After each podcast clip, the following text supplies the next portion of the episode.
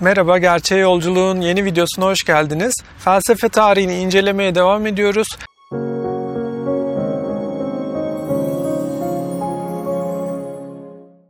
Felsefe tarihinde ilk dönemleri incelemiştik. Antik Yunan sonra bir orta çağlar geldi.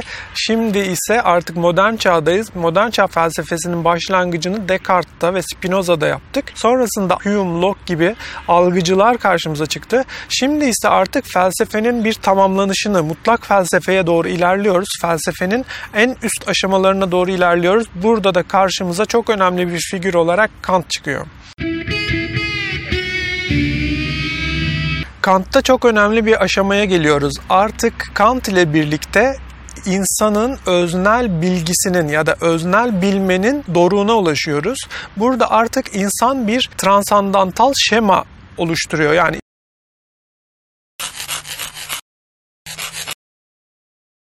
İnsan kafasında bir transandantal şema var. Bu şema doğuşla birlikte oluşuyor ve gelişiyor ve insan buna göre biliyor. Artık bilginin kaynağı öznel. Bizim kendi sistemimiz, kendi kafamızdaki kurgumuz bilginin kaynağı.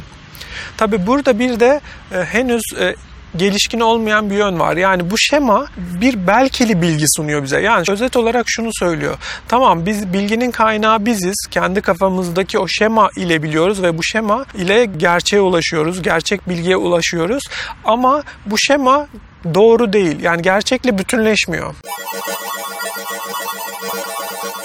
Bu şema sadece kafamızda öznel olarak kalıyor ve gerçekle buluşmuyor bu şema.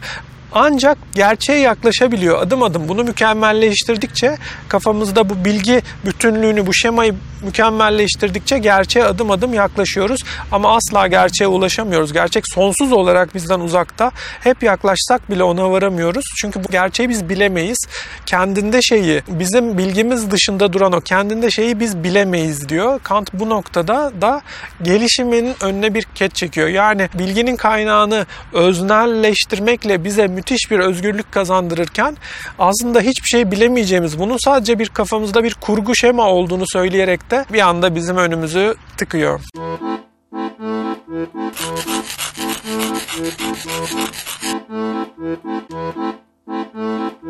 Yani evet sürekli kendi bilgimizi geliştiriyoruz. Kendi kafamızdaki o bilgi bütünlüğünü sürekli geliştiriyoruz. Ama bu hiçbir zaman gerçek bir bilgi haline gelmiyor. Mutlak olarak, kesin olarak bir şeyi bilmemiz mümkün olmuyor. Sadece bu bize öznel bir dogmatizm sistemi verebiliyor. Yani a priorilerimiz var ve bu a prioriler o şemamızdan kaynaklanıyor. Ama bu a prioriler hiçbir zaman gerçek bilgiyle buluşamıyor. Yani biz düşünerek zaten kurgularımızla, düşünceyle, felsefe aracılığıyla bir şey bilmemize izin vermiyor Kant. Biz sadece algılarımızla, algıladığımız şeyleri algıladığımız kadar bilebiliriz. O da algıladığımız nedir? O şeyin görünüşüdür, görünümüdür yani fenomenidir. Biz sadece fenomenleri bilebiliyoruz. O şeyin özünde, gerçeğinde ne olduğunu asla bilemiyoruz.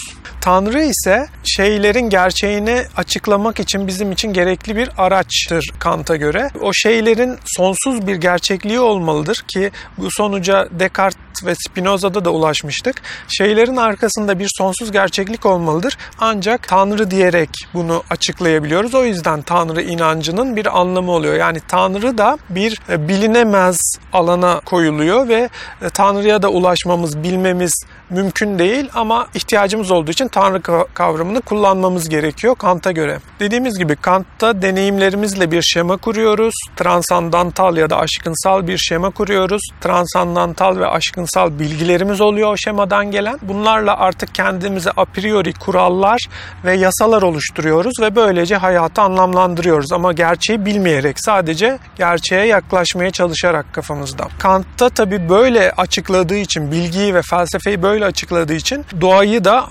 bilemediğimiz, bilmeye çalıştığımız bir sonsuz uzak olarak görüyoruz. Moraliteyi de yani etiği yani insanın moral değerleri de hep bir öte yan olarak kalıyor. Yani moral olarak sürekli gelişmeye çalışıyoruz ama hiçbir zaman moral gelişkinliğe tam olarak ulaşamıyoruz Kant'a göre.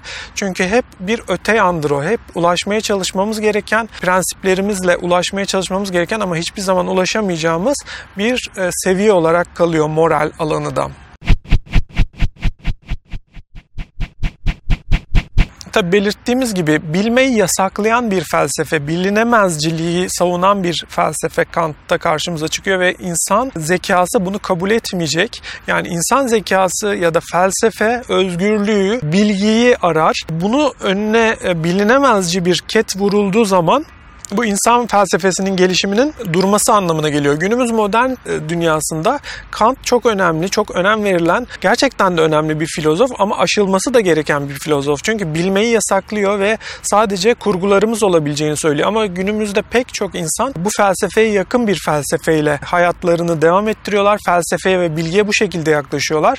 Oysa bunun bir üst aşamasına felsefe ilerleyecek. Pek çok insan bunu araştırmıyor, bilmiyor ya da sorgulamıyor. Kant'tan sonra karşımıza artık Fichte ve Schelling çıkacak. Fichte artık o Kant'ın transandantal şemayı sadece bir uzantı olarak gören yaklaşımını değiştirecek ve egoyu, benliği, düşünceyi temele alacak. Yani her şey aslında her şeyin temelinde egonun durduğunu söyleyecek. Ama yine de Kant'ın bilinemezciliğini Fichte'de, Schelling'de aşamıyor. Schelling'de ise o Kant'ın transandantal şemasını artık konuyla dolduruyor. Yani teorik olarak Kant'ta açıklanan o şema Schelling'de konularıyla özellikle doğa incelemeleriyle konuyla doldurulacaktır.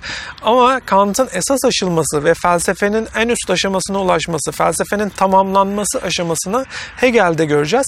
Bunu da mutlak idealizm videomuzdan izleyebilirsiniz. Bu sistemin bilmeye izin veren, bilebildiğimizi savunan akılcı sistemin nasıl bir şey olduğunu mutlak idealizm videomuzdan inceleyebilirsiniz.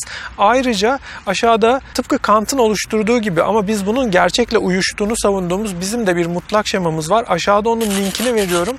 Lütfen bu mutlak şemadan e, felsefede Kant nerede duruyor? Bu filozoflar bu şemada nerede duruyor? İncelemenizi rica edeceğim. Dediğim gibi bundan sonrasında da bir sonraki aşamayı da mutlak idealizm videomuzla izleyebilirsiniz. Bir sonraki videoda görüşmek üzere. Şimdilik hoşçakalın.